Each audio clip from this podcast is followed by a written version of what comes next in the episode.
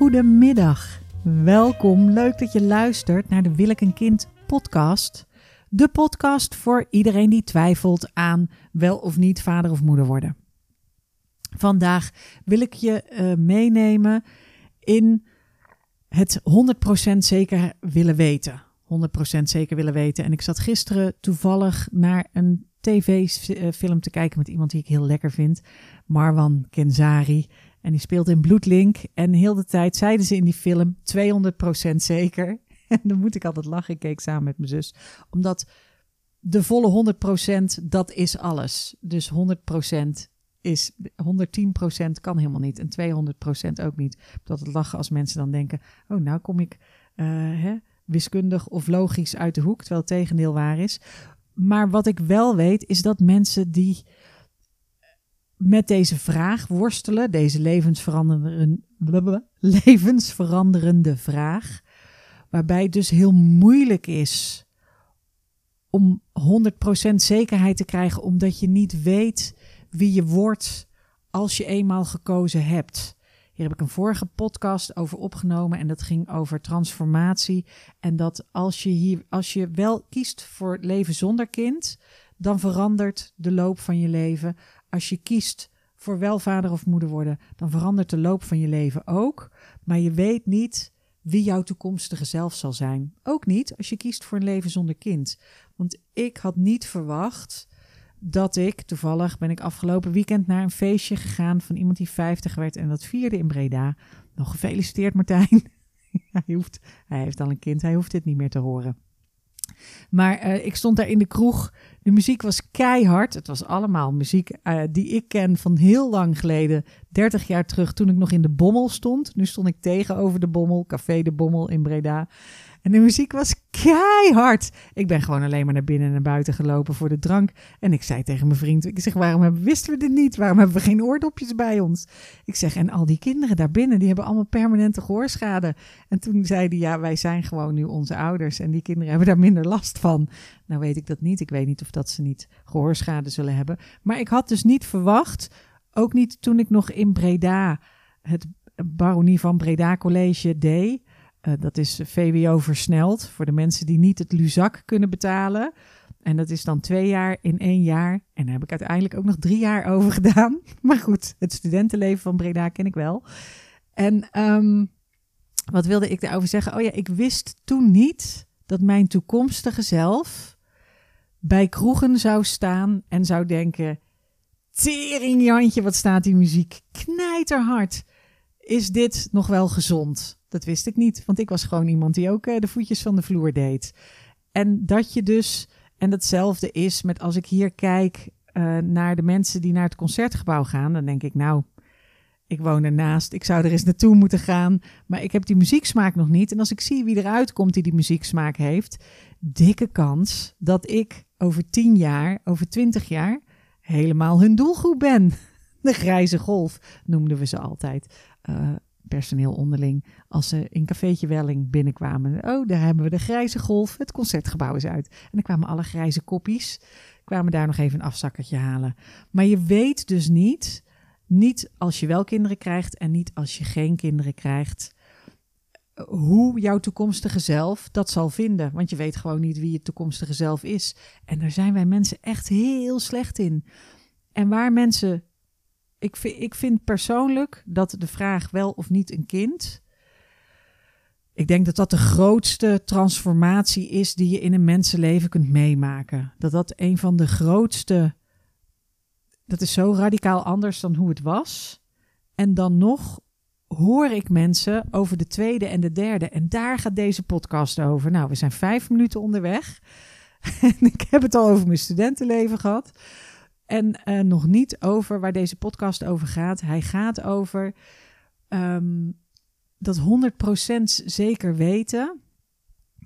Dat verwachtingspatroon van oké, als ik eenmaal de keuze gemaakt heb, dan is er duidelijkheid en dan zal ik 100% daar achterstaan, het besluit genomen hebben. Zo ziet het er ook bij andere mensen uit. Andere mensen die kiezen voor wel of geen kind, die doen dat zo vanzelfsprekend. Dat komt zo uit de losse pols, dat gaat zo allemaal gemakkelijk vanzelf, dat je denkt, die mensen hebben daar nooit aan getwijfeld. Die hebben daar nooit een, een om wakker gelegen of, of gedacht, moet ik naar een psycholoog, want klopt dit allemaal wel? Het lijkt bij anderen heel vanzelf te gaan. Ze lijken heel zeker van hun zaak. En uh, lo and behold, er zijn dus ook mensen die mij benaderen, best wel wat. Oh jee, hoe zit het met mijn tweede kinderwens? En hoe zit het met mijn derde kinderwens? En dat triggerde mij uh, om deze podcast op te nemen, omdat de een de ellende is de ander zijn troost, of in ieder geval zijn, um, hoe noem je dat? Uh, geruststelling. geruststelling dat het niet aan jou ligt. Als je erover twijfelt, dan ligt het niet aan jou persoonlijk. Het ligt gewoon aan de hele grote impact die die transformatie heeft. Kiezen voor de rest van je leven zonder kind zijn is ook een grote transformatie omdat je nou eenmaal zult veranderen van student in iemand die net werkt, van iemand die net werkt, die misschien wel start op de huizenmarkt, of net zoals ik, vergeet te starten op de huizenmarkt. En dan moet je op je vijftigste nog gaan starten op de huizenmarkt. En um, uh, daarna word je iemand die naar het concertgebouw gaat. Of je wordt iemand die zegt, uh, ga je vanavond naar de kroeg, heb je je oorpluggen bij je? Terwijl je de enige zou zijn, maar het stond echt tegen Jantje Hart. Goed, um, voor alle mensen die nog naar deze podcast kunnen luisteren, die hebben in ieder geval voldoende gehoorbescherming gehad. Want uh, je kunt mij nu nog verstaan en er zijn ook mensen met een permanente piep. Ik dwaal af. Wat blijkt dus dat mensen kunnen kiezen voor één kind en daarna opnieuw gaan twijfelen. Wat? Ja, zie je het. Maar serieus, dat bestaat dus. Je denkt dus, oké, maar dan heb je die beslissing eenmaal genomen en dan ben je er vanaf. Uh-uh, uh-uh. Je hebt die beslissing genomen en dan kan het hele balletje weer opnieuw van vooraf aan gaan rollen als je moet gaan voor nummer twee. En dan kun je opnieuw dus vastzitten aan een partner die die nummer twee niet wil en jij wil, wil hem absoluut wel. Of andersom. En je kunt ook jezelf afvragen: moet ik dat nou wel of niet doen? En nou krijg ik net een mailtje over iemand die dat heeft over nummer drie. En ik ken ook in mijn persoonlijke kring iemand die daar redelijk geobsedeerd door is. En ook altijd vraagt: Oh, heeft hij nou drie kinderen? Oh ja, ik had er ook wel drie gewild. En um, dat blijft dus, ieder mens zit anders in elkaar, maar dat blijft dus die twijfel, ook als je al dat hele grote besluit een keer genomen hebt en je bent dus al getransformeerd, want dan ben je daarna een moeder met een kind. stel dat, dat, dat de conclusie is, ja, ik wil een kind. Nou, het is je gegeven, je krijgt een kind en dan daarna, no way, moet ik gaan beslissen over nummer twee.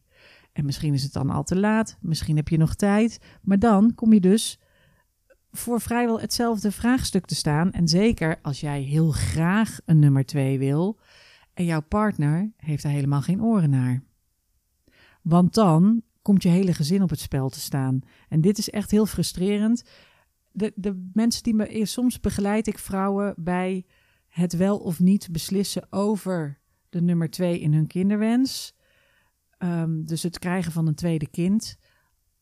Als ze daarover met hun partner van mening verschillen, maar helemaal geobsedeerd zijn door die tweede, tweede en het ook niet los kunnen laten. Die mensen gaan nooit in een groepstraject omdat uh, het matcht niet. Het is net olie en water als je een groep vrouwen coacht die bezig zijn met wil ik wel of niet moeder worden. En je stopt er een moeder tussen die bezig is met wil ik wel of niet een tweede en wil ik wel of niet dit gezin op het spel zetten voor uh, een tweede kind. En van wie krijg ik dan dat tweede kind als ik dit gezin op het uh, spel heb gezet? Maar wat de geruststelling is, no way. Weet ze nog dat ze het over geruststelling had? Ja, wat er geruststellend aan is, is dat dit dus inherent is. Het hoort bij de karakter van deze vraag dat je twijfel hebt. Dus de twijfel zegt niks over een ja of een nee. De twijfel zegt niks over of het dan voor jou minder vanzelfsprekend is. De twijfel zegt niks over je geschiktheid. De twijfel zegt niks over je lotsbestemming of over de signalen van het universum. Het zegt alleen dat het heel belangrijk voor je is. En laat dat nou. Eh, dus daarom dacht ik, ik kreeg dat mailtje binnen. Ik denk, nou, ik neem meteen die podcast even op, want nu heb ik inspiratie. Ehm, omdat het, is, het verrast, het overvalt mensen die twijfelen aan de tweede of de derde. Die mensen worden overvallen door de twijfel, want ze denken: hè, ik heb al twee keer een besluit kunnen nemen en nu weet ik het ineens niet meer. Of uh, moet ik dit nu wel of niet doen? Of moet ik nu wel of niet druk op de ketel zetten? Zal ik wel of niet spijt houden mijn hele leven van dat ik dit niet doorgezet heb? Als ik zo graag een tweede of een derde had gewild, maar de rest werkt niet mee? Of is het ook maar beter van niet? En wat doe ik met dat verlangen? En, en waar, uh, waar laat ik mezelf en hoe? En het is, dat heeft enorm veel impact. Wat, um, als je twijfelt aan wel of niet moeder worden, dan kun je niet voorstellen van, hè, wat lopen die mensen nou te jeremiëren die al een kind hebben en voor wie dingen al duidelijk zijn. Ja, het leven blijft een grote uitdaging en een groot vraagteken. En die, dus ik krijg mailtjes van echt wanhopige mensen die zeggen: Ja, maar ik kan, het is een obsessie voor me geworden. En dat herken ik heel goed, omdat ik zelf dat heel kort gehad heb. Ik heb heel kort, vlak na de geboorte van de kleine Vessie, dacht ik: Oké, ik heb dit met IVF gedaan. Als ik meer kinderen wil, dan zal ik moeten opschieten, want het wordt me tot je 43ste vergoed. Ik ben nu net 40 geworden. We moeten nog even ik heb ook 14 maanden borstvoeding gegeven. Dan moeten we daarna. Wat een heilige ben ik, hè? Dat, dat dat me gelukt is. Terwijl ik het eerst wilde opgeven. Of althans, ik wist dat ik niemand. dat ik gewoon niet al die flesjes kon schoonmaken en kon meezeulen. Want ik heb al moeite met telefoon, portemonnee, sleutel in één tas. Laat staan dat ik ook nog voedingen moet gaan meeleuren. En een verfrommelde luier lukt ook nog wel, maar verder, ik, dat had niet gelukt. Dus daarom heb ik doorgezet. Maar ik weet nog dat ik toen best wel hormonaal ook dacht: ja, maar het is te zielig. Ik wilde altijd, ik ben een vrouw die wel, nou, minimaal twee, maximaal zeven. Dat was een beetje mijn, hè, mijn, mijn, mijn Pipi. Ik heb het nog nooit gedaan. Ik zal het dus wel kunnen. Overtuiging qua hoe, wat voor gezin krijg ik. Nou, die prins op, die wit, op dat witte paard die mij dan meeneemt en me gaat helpen met alles. En dan krijg ik minimaal twee kinderen. Ik heb zelf een zus. Dat is me alles zie. Ik, ik kan niet ehm, tevreden zijn met één kind. Er moet nog een tweede kind bij. Maar hoe ga ik dat doen? En hoe snel ga ik dat doen? En waar laat ik die dan? Want ik zit nog in mijn malle woongroep. Dus één wiegje aan één kant kan wel, maar twee baby's. En als er dan één, twee is en die ander is, is, is nog geen één. En hoe snel kan dit naast elkaar? En toen ging dat allemaal uitzoeken op internet. En uiteindelijk um, heb ik daar met een aantal mensen ook over gesproken. En dat is heel vaak met dit soort dingen. Als het. Uh, en het was een soort oude overtuiging die ik met me meedroeg. Ik droeg een overtuiging met me mee van ik ben ik heb zelf een hele goede band met mijn zus. Mijn zus is heel belangrijk voor mij in mijn leven. Als ik kijk naar mijn familiestamboom, zijn er nergens enigs kinderen. Er zitten altijd, zijn er broers en zussen. Of het was er op zijn minst één, of het waren er meer. Ik hoor, ik kom uit een gezin van waar je niet maar één kind krijgt, maar veel meer kinderen. En toen ik dus heel laat moeder werd, toen dacht ik vrij snel: oké, ik moet dus een tweede. Maar ik zag ook wel dat het praktisch niet helemaal haalbare kaart was. Maar ik wist niet waar ik met mijn verlangen en mijn verwachting dat ik een tweede kind zou krijgen, moest blijven. En ehm, daar heb ik dus met een aantal mensen over gesproken. Wat mij is bijgebleven is dat heel veel mensen zeiden heel veel dingen. Er was één hele wijze, wijze vrouw die mij aankeek en die zei: Hè? Ben je daarmee bezig? Ik dacht dat je van deze ging genieten. Ik wist allemaal niet dat je daarmee bezig was. Wat raar, vind ik niks voor jou. En uh, nou ja, dat had raar kunnen zijn of mis kunnen zijn, maar het was dus raak. ik, ik weet nog dat ik daarna dacht: oh, van deze genieten. En dat was een soort haakje dat zich vastzette in mijn gedachten.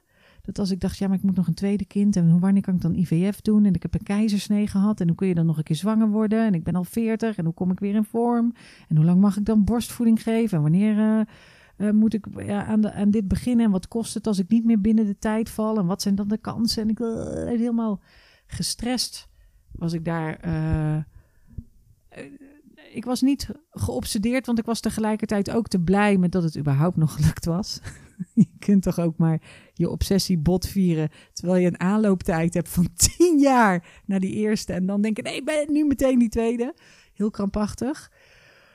Maar het is zeker wel een tijd lang een issue geweest. Tot dus de opmerking kwam, ik dacht dat je van deze ging genieten. En dat was voor mij voldoende. Dat was voor mij voldoende om te denken: oh ja, van deze genieten. En als ik heel eerlijk ben, weet je waarom ik graag een tweede wilde? Nou, dit vind ik bijna gênant om te zeggen. Maar gewoon, stel nou dat de eerste doodgaat, dan heb je er helemaal geen meer. En dat, uh, ik weet niet of dat dit heel.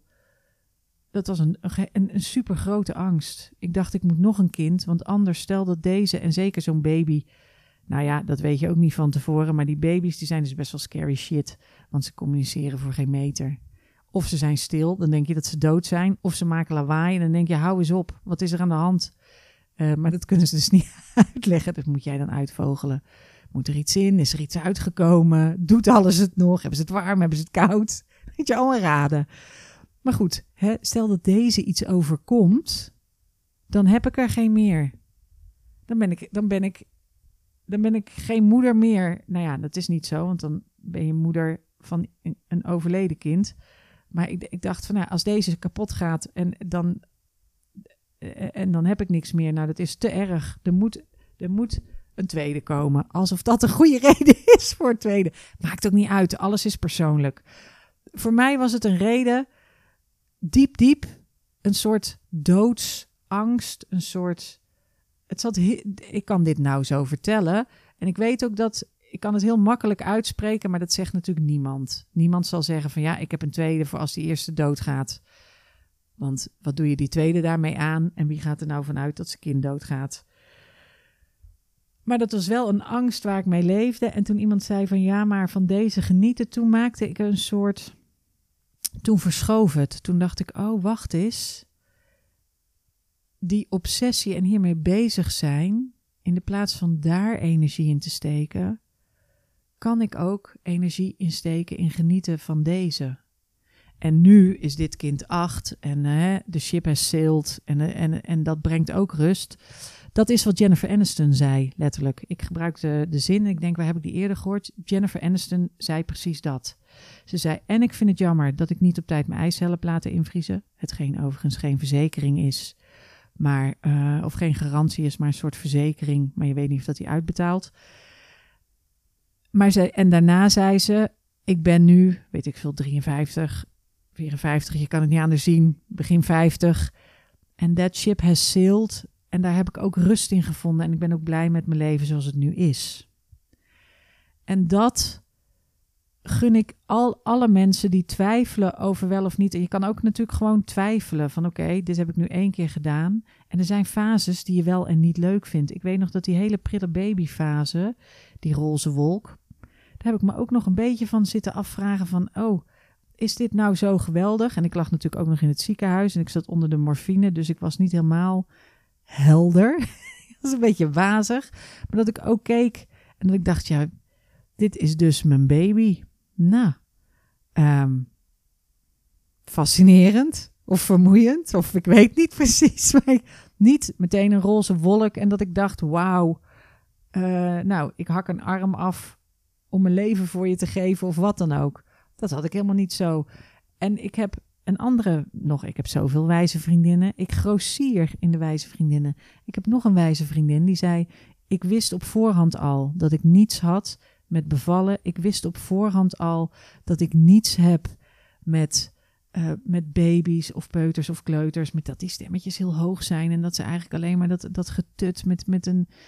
Met glitterpennen en plak, uh, pritstiften en, en al dat geknutselde, uh, daar heb ik niks mee.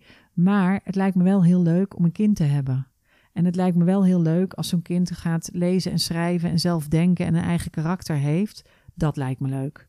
Dus vanaf een jaar of zes, zeven, acht. Maar ja, dan moet je dus wel eerst die zes jaar overbruggen. En dat is dus ook dat je na zo'n eerste kind denkt: oké, sommige dingen waren er niet leuk aan. Ze zeggen ook heel vaak: um, je hebt een. Um, de Siri gaat aan. Ik word helemaal gek van Siri. Maar goed, ik ga niet deze podcast onderbreken voor Siri. Maar je hebt een. Uh, wel de draad kwijt nu. Je hebt bepaalde fases in het moederschap die je meer of minder liggen. Dus sommigen zijn heel goed in die verzorgende rol, anderen in de troostende rol, anderen in de onderwijzende rol, anderen in um, uh, de liefhebbende rol. En je hoeft helemaal niet alle rollen perfect te nelen. Dat is zo'n onzin. Als je zelf gelukkig bent en je kan zorgen dat het veilig en stabiel en liefdevol is voor je kind en dat hij zich geliefd weet, dan is het oké. Dan is het oké. En als je dus heel erg twijfelt over een, een tweede of een derde, nou dan uh, neem, neem contact op. als mijn stel je aanspreekt en wellicht kan ik je helpen. Maar voor alle mensen die nog niet een eerste of een tweede hebben en die er misschien wel meer zouden willen, maar nu denken of hè, hoe weet ik nou zeker wat ik wil, mag ik, mag ik hier wel over twijfelen? Eigenlijk is dat de vraag. Past het wel bij mij als ik eraan twijfel? Mag je wel vanuit twijfel zeggen: ik kies voor het moederschap? Mag je wel vanuit twijfel zeggen: ik doe dit wel of ik doe dit niet? Ik heb ook nog een andere wijze vrouw. Dat is mijn grote voorbeeld als het gaat om moederschap. Die op een gegeven moment zwanger was van de vierde. En die dacht: nee, dit is, dit is too much. Ik doe het niet. Ik ga morning after pill halen. Of een, ik, hè, ik, uh, ik, ik breek het af. En tegelijkertijd was ze ook foliumzuur aan het kopen. Dus die was compleet in de war. En uiteindelijk heeft ze dat vierde kind wel gekregen. En die zei nou een jaloersmakend Pipi Langkous, Villa Kakelbond uh, gebeuren. Maar zelfs die heeft nog gezegd van nee, ik doe het niet, ben je mal. Ik ga het op een zuipen zetten en, en ik, ik zeg abort mission, letterlijk. En uiteindelijk heeft ze dat niet gedaan en is ze daar gelukkig mee. Wat het geruststellende eraan is, is dat je dus weet dat ook hele goede moeders hun twijfels hebben gehad. En dat ook vrouwen die, die vol overtuiging kiezen voor een leven zonder kind ook hun twijfels hebben gehad. En dat is allemaal oké, dat hoort erbij. Nou, dat was het. Dit was even mijn tussendoor podcast over een tweede of derde kind. En ook daaraan twijfelen is dus helemaal oké. Dan moet je onderzoek doen en kijken wat, je, wat er voor jou nodig is om de juiste beslissing te kunnen nemen. Maar twijfel, daar kan de samenleving niet zo goed mee omgaan. We hebben er niet echt ruimte voor. Maar twijfel hoort bij dit soort grote levensveranderende vragen, die ook gewoon scary shit zijn. En je bent doodsbang voor hele beangstigende, fucking scary shit. Nou, dat was wel de overtreffende trap. Oké, lieve mensen, tot de volgende podcast. Oh ja, en vergeet me niet te benaderen op LinkedIn. Ik, ik deel veel meer informatie, naast de nieuwsbrief, waar je natuurlijk ook voor moet opgeven, op LinkedIn. En je kan me gewoon volgen. Dat ziet verder niemand.